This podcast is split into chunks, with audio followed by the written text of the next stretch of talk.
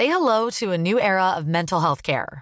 Cerebral is here to help you achieve your mental wellness goals with professional therapy and medication management support. 100% online. You'll experience the all new Cerebral Way, an innovative approach to mental wellness designed around you. You'll get a personalized treatment plan from a therapist, prescriber, or both in a safe and judgment free space.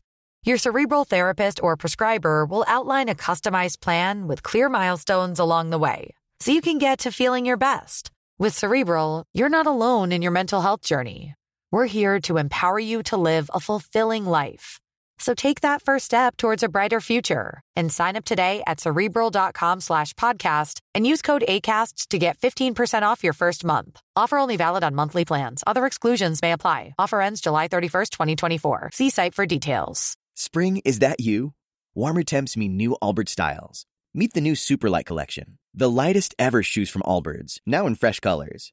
These must have travel shoes have a lighter than air feel and barely there fit that made them the most packable shoes ever. Plus, they're comfy right out of the box. That means more comfort and less baggage. Experience how Allbirds is redefining comfort. Visit allbirds.com and use code SUPER24 for a free pair of socks with a purchase of $48 or more. That's A L L B I R D S.com, code SUPER24.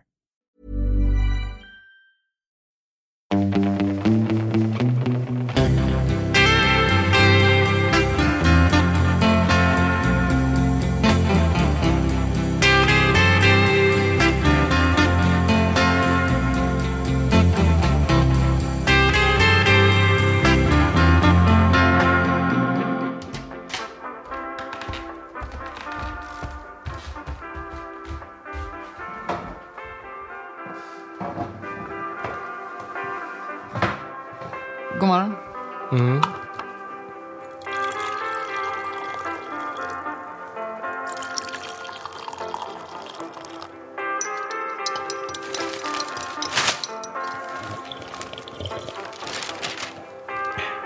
Du, jag läser i tidningen att det var någon slags eh, mobbingincident på vår barnskola. Oj, tror du att våra barn har varit inblandade eller? Jag vet inte. Eh, Jag har inte hört något. nej, inte jag heller. De har inte sagt något. Och de skulle väl aldrig liksom mobba eller vara taskiga mot sina kompisar eller? eller? För de har ju kompisar. Jag tror det. Ja, nej men då, det är nog ingen. Välkomna till Glappet. Jag heter Fredrik. Och jag heter Matilda. Du, eh, det här är ju en eh, podcast för oss föräldrar som Mm. vill ha lite mer koll. Just precis så. Ja, Mm. Har du skaffat dig någon mer koll sen senast? ja eh, lite grann. Man tänker mycket på de här frågorna Mm. eh, när man håller på med det. Mm. Mm. Det gör man faktiskt. Du, eh, Mm. vi eh, har ju en eh, spännande gäst idag. Ja, eftersom vi ska prata om det här som eh, vi hörde, det här frukostsamtalet alldeles nyss. Mm. Eh, handlar om utanförskap Ja, och mobbning. och mobbning. Det kanske, man kan inte säga att det är favoritämnen. Då får man ju avgå. fel. Men det blir fel. Men det är i alla fall ämnen som jag har tänkt mycket på och tänker mycket på. Det ska Ja. bli otroligt kul. Jag ser väldigt mycket fram emot det här. Som jag tror många föräldrar oroar sig för. Mm, Mm. det tror jag också. Därför har vi Lars Arrhenius här. Välkommen Ja. hit. Mm, tack så mycket. Mm. Hur har du det med vabbandet? Eh, ja, nej, jag, håller mig frisk. Ja, skönt. Barnen är friska. Härligt. Underbart. Just det. Eh, Före detta generalsekreterare för Friends och eh, barn och elevombudsman också har varit. Ja, precis. Och nu eh, utredare, Ja, åt regeringen. föräldraförsäkring. Jajamensan. Det är ju fantastiskt spännande. var ju inne på det med vab och det är det som kallas för tillfällig föräldrapenning. Eller? Just det. Och eh, inte nog med det, det är en så här, eh, statlig utredare som också startat en podcast Ja, exakt. om Ja, föräldraförsäkring. Föräldraförsäkringspodden och där intervjuar jag personer som ja, har åsikter och synpunkter och också föräldrar som, ja, hur de har gjort eh, under den tiden som de har barn. Mm. Eh, Så det är spännande. Vi har ju en väldigt bra föräldraförsäkring. Det var en journalist som ringde till mig, en finsk journalist som undrade Ni har ju en fantastisk föräldraförsäkring, varför ska du utreda den? Eh, Men jag tror det går att göra saker lite bättre ändå. Det går alltid att göra lite bättre. Ja. Mm. Är inte så? Det går alltid att göra lite bättre. Ja. Mm. Eh, men eh, det jag tänkte vi skulle prata eh, mer om idag då är ju det här med barn och hur barn mår. Mm, Och den här oron som föräldrar kan ha. Om man börjar med någon slags sån allmän fråga så här eh, till dig som har jobbat mycket med det här. Hur skulle du beskriva att barn idag mår? Eh, på ett generellt plan så kan man ju säga att jag menar, de flesta barn mår ju bra idag. Faktiskt så är det. Men sen så finns det ju då barn som blir utsatta under uppväxttiden. Och eh, de jag har haft kontakt med, jag har ju jobbat i tio år faktiskt, så länge med, med de här frågorna. Och de barnen kan ju må extremt eh, dåligt av, av, av det här. Att eh, alltså känna en otrygghet. Det är väl det kanske mest otrygghet och ensamhet jag upplevt under de här åren som kanske är kanske det svåraste. Och det är ju egentligen inget, alltså det känner vi nog alla en oro för att bli ensamma, både barn och vuxna. Så det är, nog, det är inte så konstigt, men när man är liten och känner den oron. Så, så är det klart, och de barnen, klart, jag har ju haft kontakt med dem och eh, de mår ju dåligt psykiskt. Och det är den här liksom pressen att eh, varje dag kanske då gå till en miljö där man inte känner sig trygg. Mm. Hur skulle du säga att liksom föräldrar påverkar de barnen? Har du någon uppfattning om det? Så här, förstärker föräldrar i allmänhet barns liksom, oro?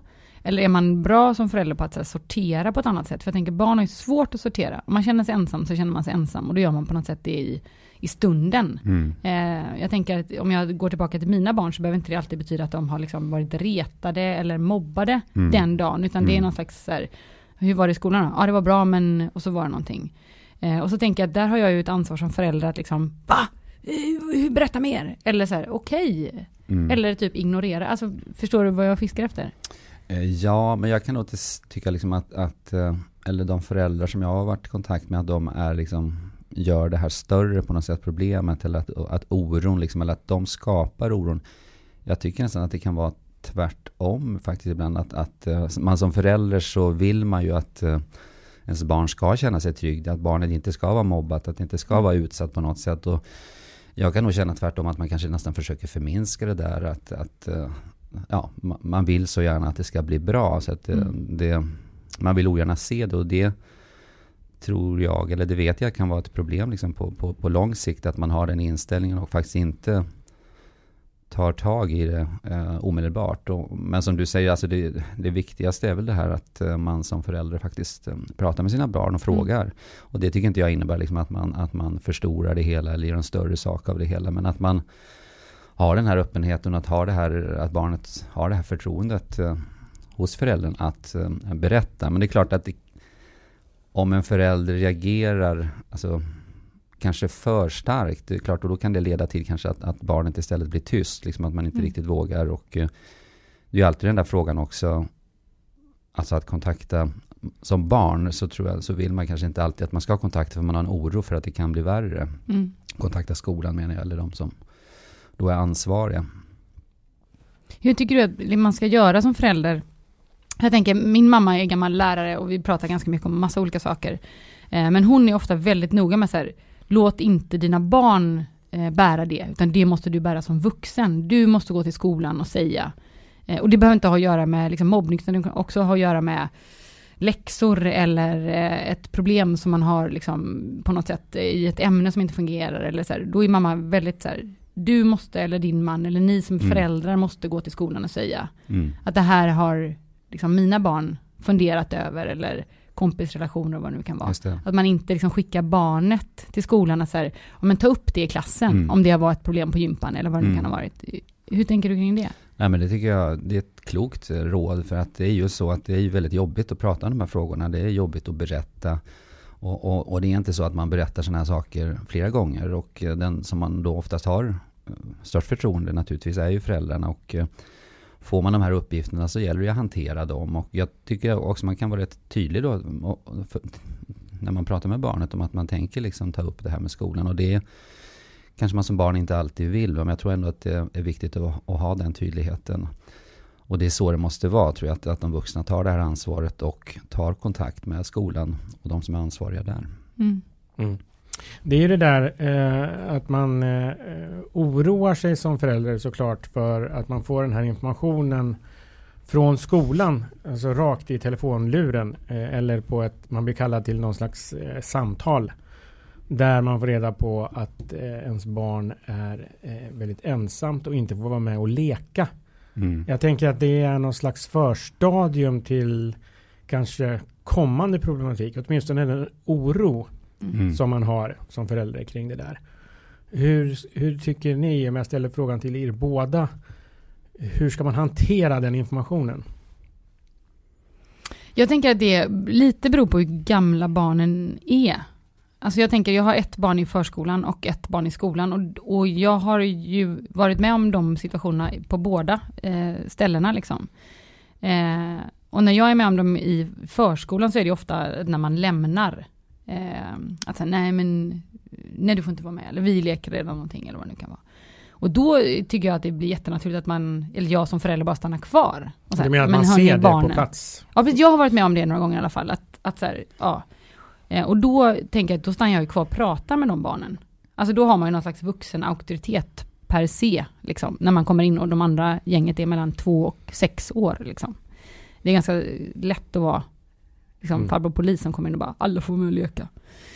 Eh, men i skolan, där måste man ju, eller där gör i alla fall jag så att då måste jag ju veta lite mer.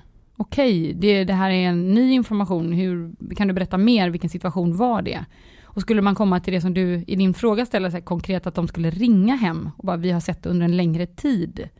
Ehm, då hade jag nog verkligen velat sitta ner med liksom, läraren Mm. och prata om hur ser ni det och hur har ni... Liksom, Men jag tänker mer på ens egen oro. Mm. Alltså Ja, hur på hanterar den- man den? När man får det här i sitt face liksom. Mm. Jag tror att jag precis exemplifierade exakt hur jag hanterar min oro, det vill säga jag går direkt på lösning.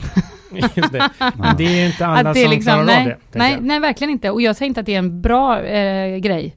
Men jag tror att jag är väldigt lite i liksom Mm. själva oron. Jag förstår. Eh, Men det här är, du var inne på det lite tidigare, Mm. att eh, man kanske eh, reagerar så att man drar sig för att... Ja, men det är min, upp, min upplevelse av det att, att man faktiskt, eh, när man får den här informationen, att eh, man vill så gärna att det ska vara bra. Va? Liksom det här går över på något sätt, det här fixar sig. Det är bara i, idag det kanske har hänt eller det här kommer ändra sig. Så jag tror den risken faktiskt är, är, lika stor än att man liksom reagerar för mycket. Mm. och, och, och jag säger ju det för att jag, det är ju lättare att ta tag i de här situationerna tidigt, va? när man får de här signalerna.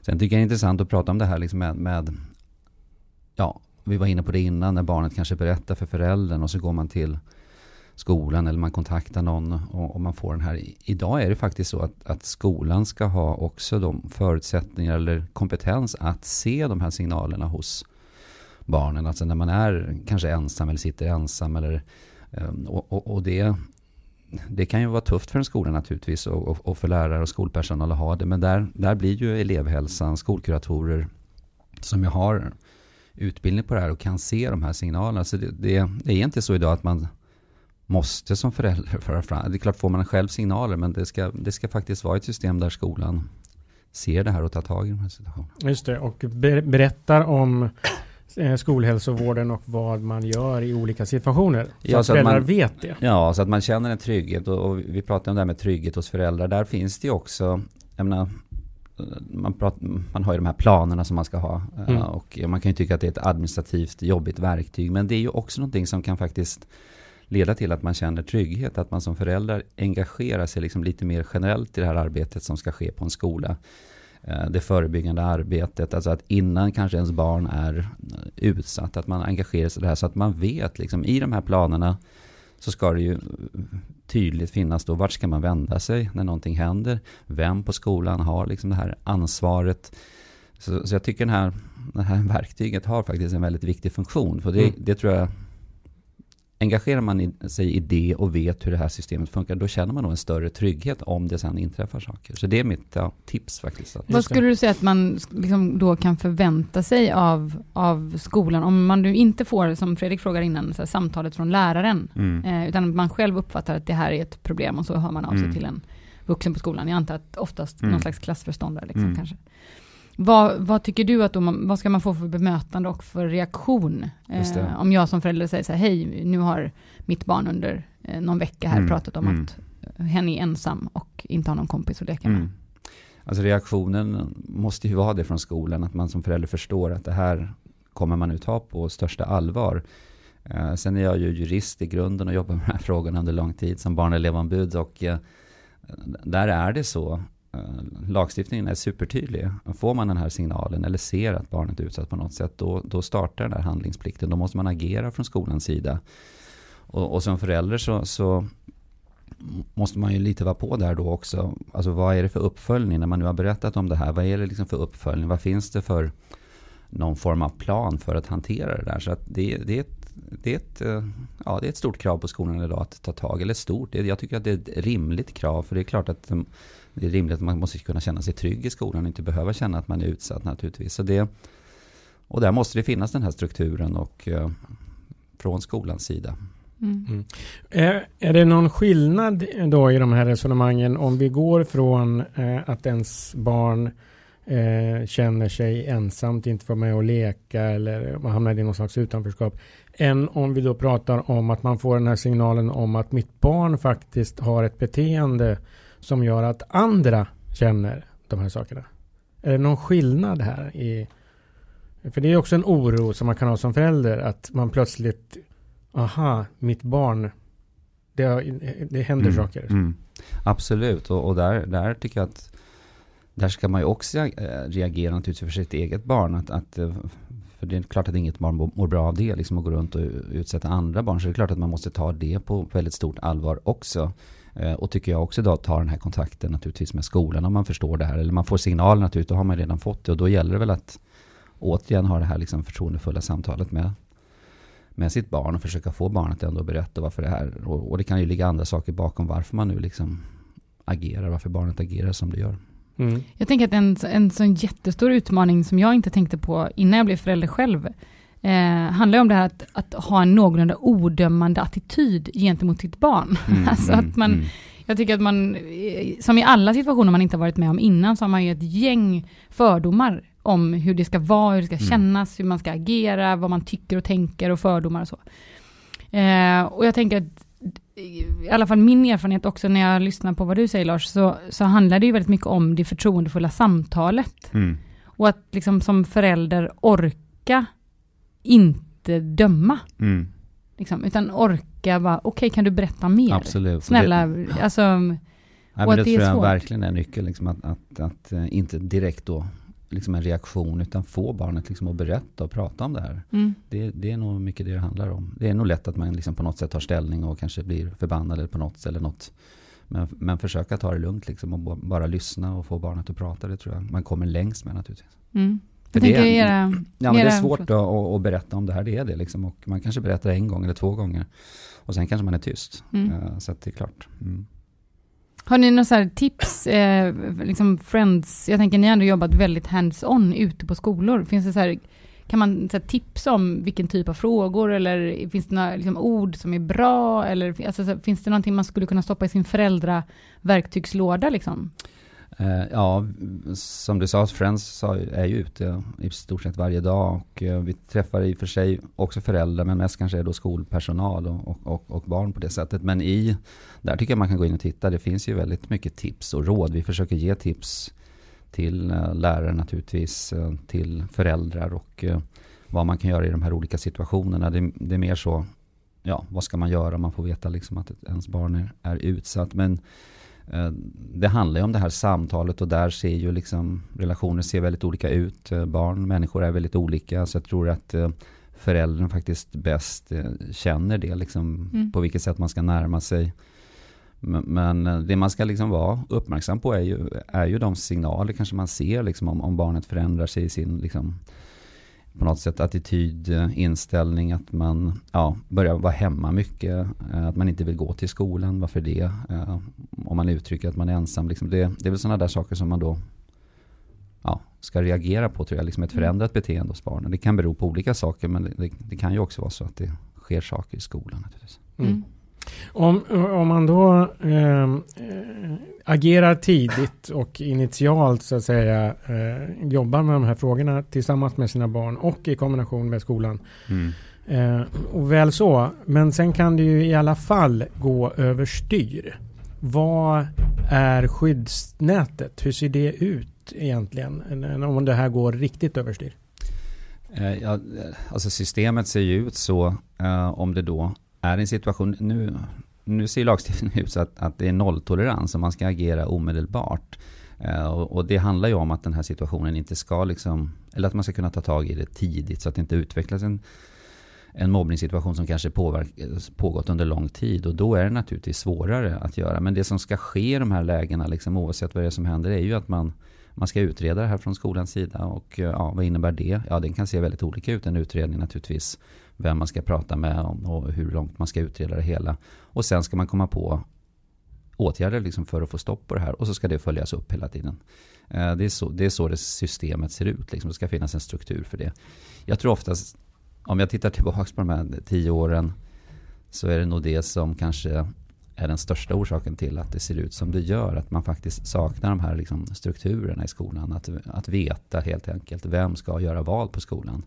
Och då, då blir det liksom så här mera lite snabba reaktioner på olika saker. Men det måste finnas det här systemet. Hur ska man liksom följa upp det här? Vad är det som... Ja, till, så att det verkligen sker en förändring. Det är det kravet man har. Liksom. Mm. Och eh, eh när man pratar huvudmannen för det här, det är ju eh, inte eh, kanske i första hand den enskilda skolan, utan det är kommunen som är mm. huvudman. Mm. Och eh, om, om kommunerna då inte ser till att ha de här planerna och ha mm. de här rutinerna och så vidare. Vad finns det för verktyg för, som, jag tänker som förälder, mm. att driva frågan. För och när ska man kliva vidare? Ja, alltså när precis. ska man säga, nej ja. det är kört med skolan. De fattar inte, de lyssnar inte, det funkar inte, det var ja. något som skar sig, de förstod inte allvaret eller liksom. Nej, men det, eh, Givet jag, att man har gjort det absolut, som man ska jag, göra. Ja, man, man, för fram det här och man ser att skolan inte gör något, då tycker jag man ska kontakta det som du kallar för huvudmannen, de som äger skolan och då eh, den ansvariga på kommunen eller den ansvariga på den här kanske då privata företaget som äger skolan, att, att, man, att man börjar med det. Liksom, ser man då i det läget att eh, det sker ingenting, man tar inte det här på stort allvar, då, då har man den här möjligheten att göra en anmälan till Barn och elevombudet vid Skolinspektionen. Eh, och det är ju ett, eh, det är en lagstiftning som innebär liksom att ett, ett skyddsnät för barnet liksom i den här situationen. Det ska vara så att man måste ta tag i det här.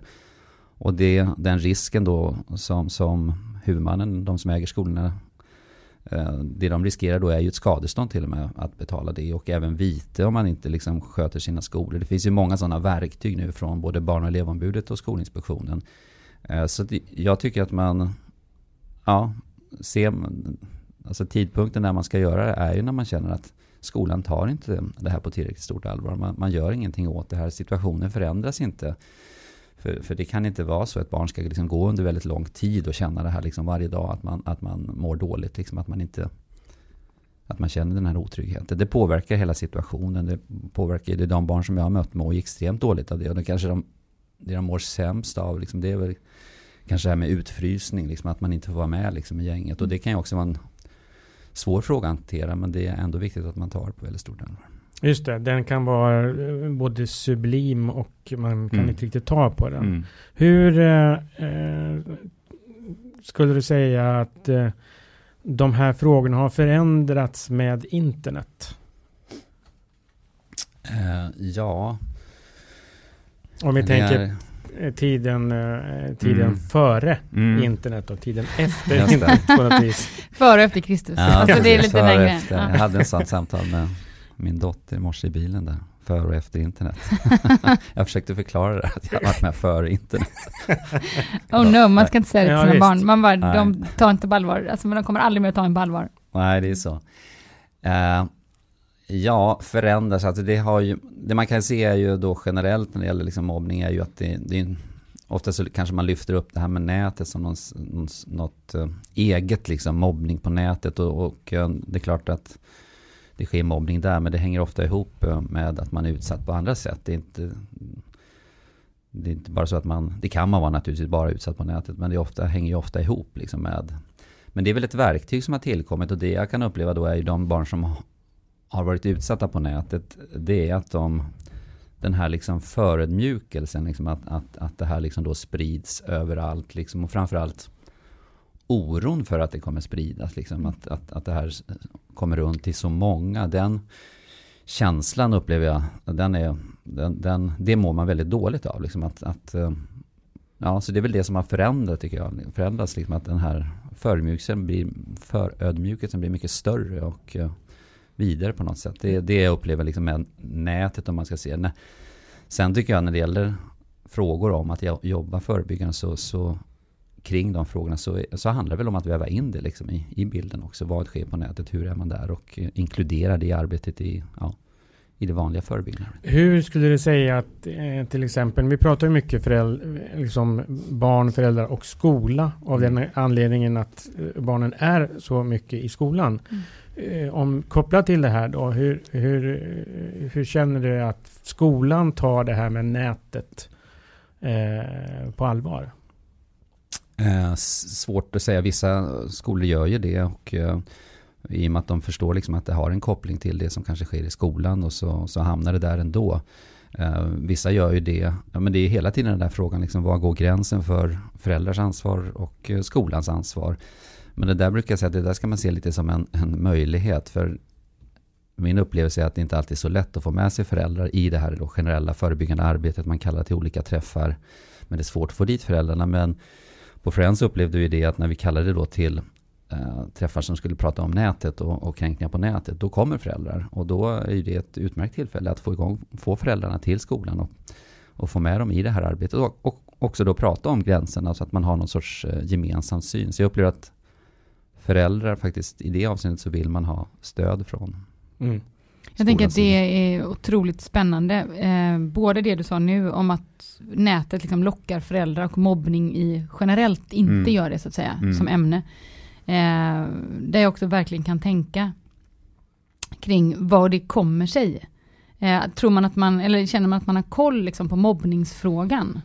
Men Ja. inte på nätfrågan och har man det och vad är liksom vad är bilden och, och vad har man för förståelse? För jag tänker, när vi resonerade kring den här podden, eh, så handlar det ju ganska mycket om att vi upplever det här glappet som finns mellan liksom vad man tror att man vet och vad man faktiskt vet och vad som kanske faktiskt funkar i dagsläget. Eh, och där, är, där tänker jag att, att man kanske också måste liksom vara ödmjuk som förälder och tänka att det är mycket som har förändrats sedan man själv var barn mm det finns liksom andra instrument och det finns andra sätt att frysa ut idag Absolut. än då. Mm. Så att man kanske inte heller kan tänka att man har det låter ju fruktansvärt att vi ska skapa en podd där man bara, ni har inte koll.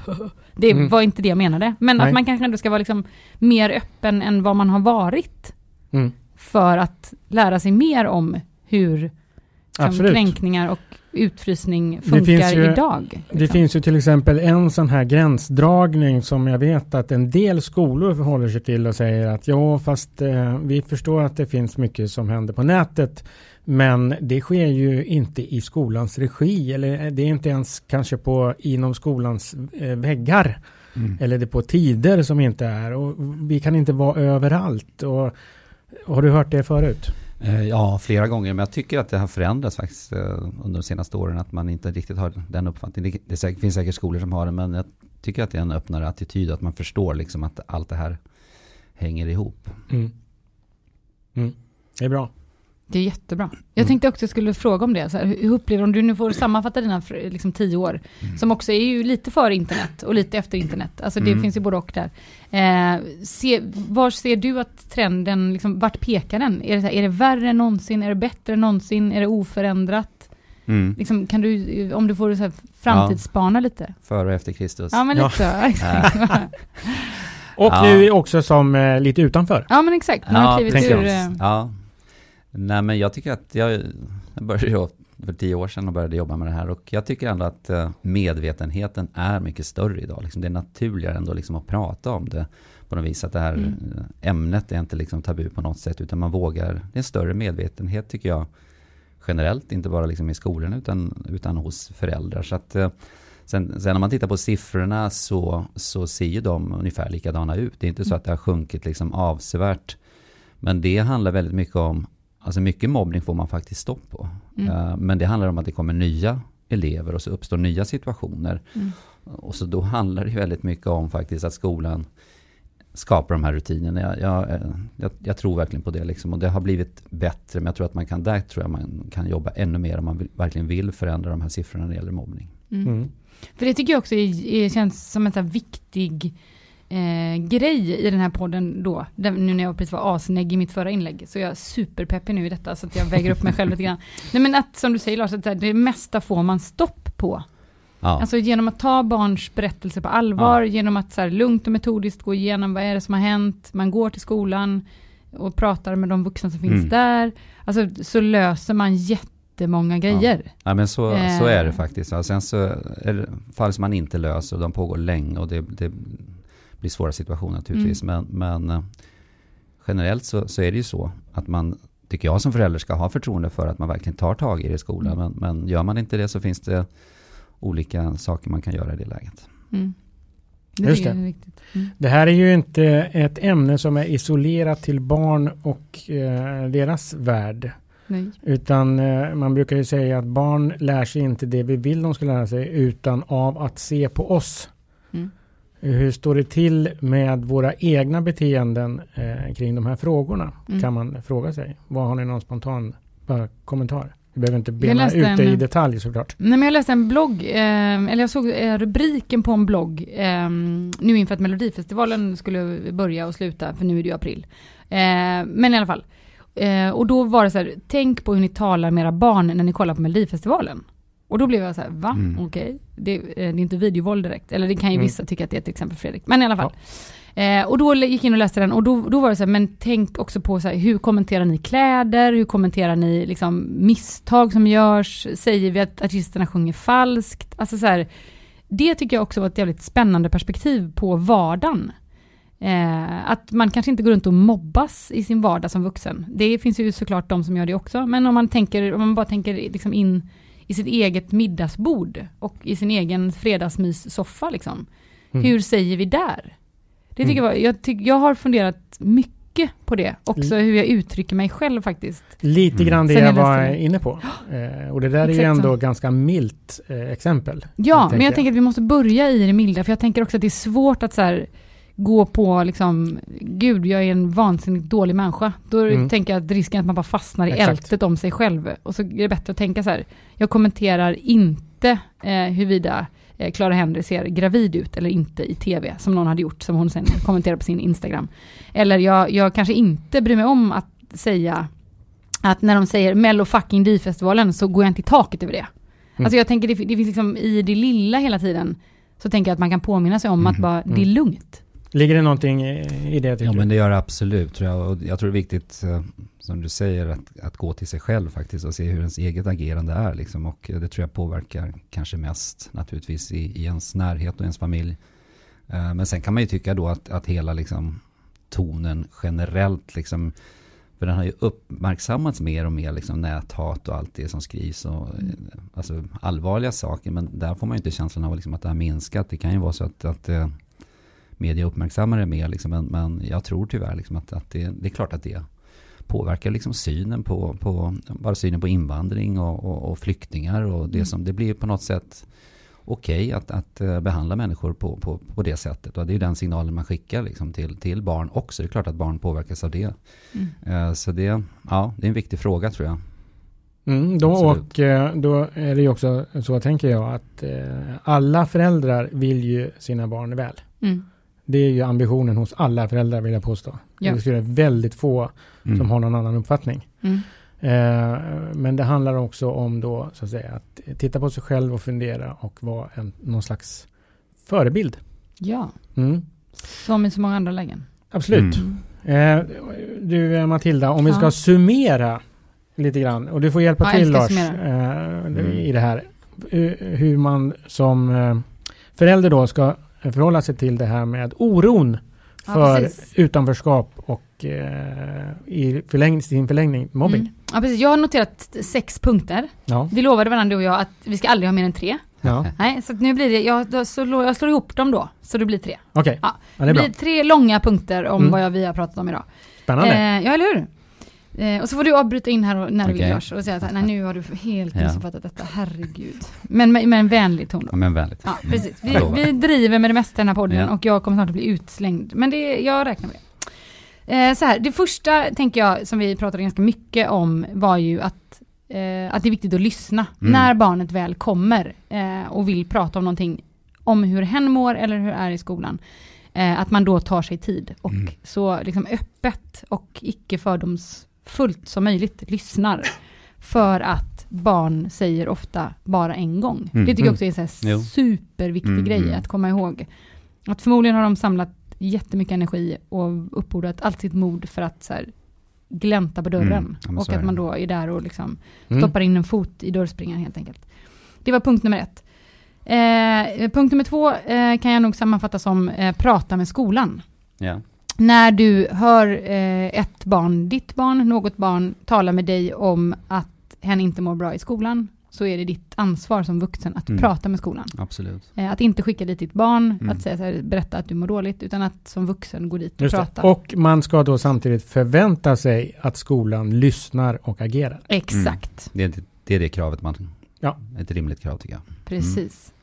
Eh, och ja, det blir lite körigt, det kanske blir fyra punkter nog.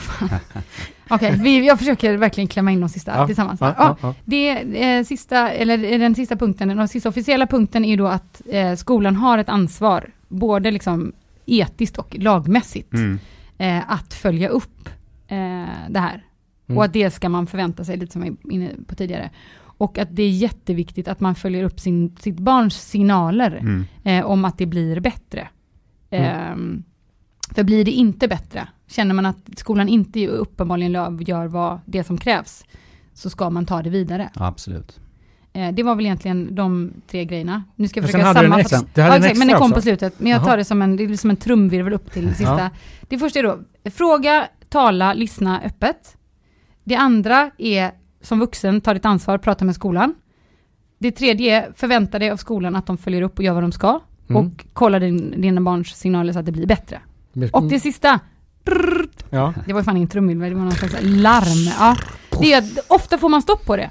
ja. Om man tar sitt ansvar, om skolan är med på Ja. eh, tåget, om man har en öppen dialog, eh, så får man stopp på den allra mesta utanförskapet. Både tänker jag när det gäller om man har barn som mobbar eller Mm. retar andra, och om man har barn som själva blir mobbade eller retade. Ja men så Mm. är det och, och om jag ska göra något tillägg till den där väldigt fina sammanfattningen så, så är väl det där att, att eh, aktivera dig själv som förälder lite i det här arbetet. För det, det skapar trygghet hos dig själv, att du vet liksom hur ser systemet ut. Vem ska jag prata med, vem sköter det på skolan? Försök göra det, aktivera det där så tror jag att man skapar den här tryggheten. Just det. Mm. Fantastiskt. Jag tycker Ja. vi har fått ner eh, saker och ting till ganska konkreta råd. Mm. Det är jättebra.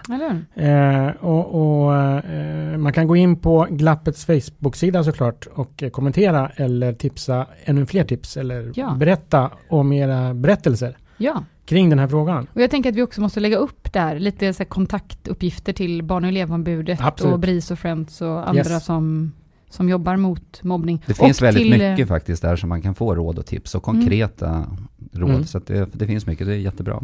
Eller hur? Ja. Jag vet att både BRIS och Friends har ju också Mm. en vissa sidor som handlar om, liksom, som är riktade till vuxna och föräldrar. Som Mm. är så här, just och både och, BRIS har ju stor rådgivning, men även Friends har rådgivning faktiskt som Mm. man kan ringa till. det är Mm. asbra. Ehm, Just det. precis.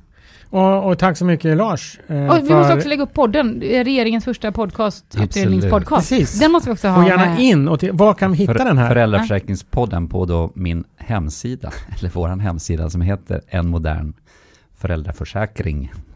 .se eller vad Ja, precis. En modern föräldraförsäkring.se. Stava till det om ni kan, Ja, poddlyssnare. utan ä liksom. Ja, just det, bra. Utan Google it. Ja, Mm. Som vi brukar säga i den här podden.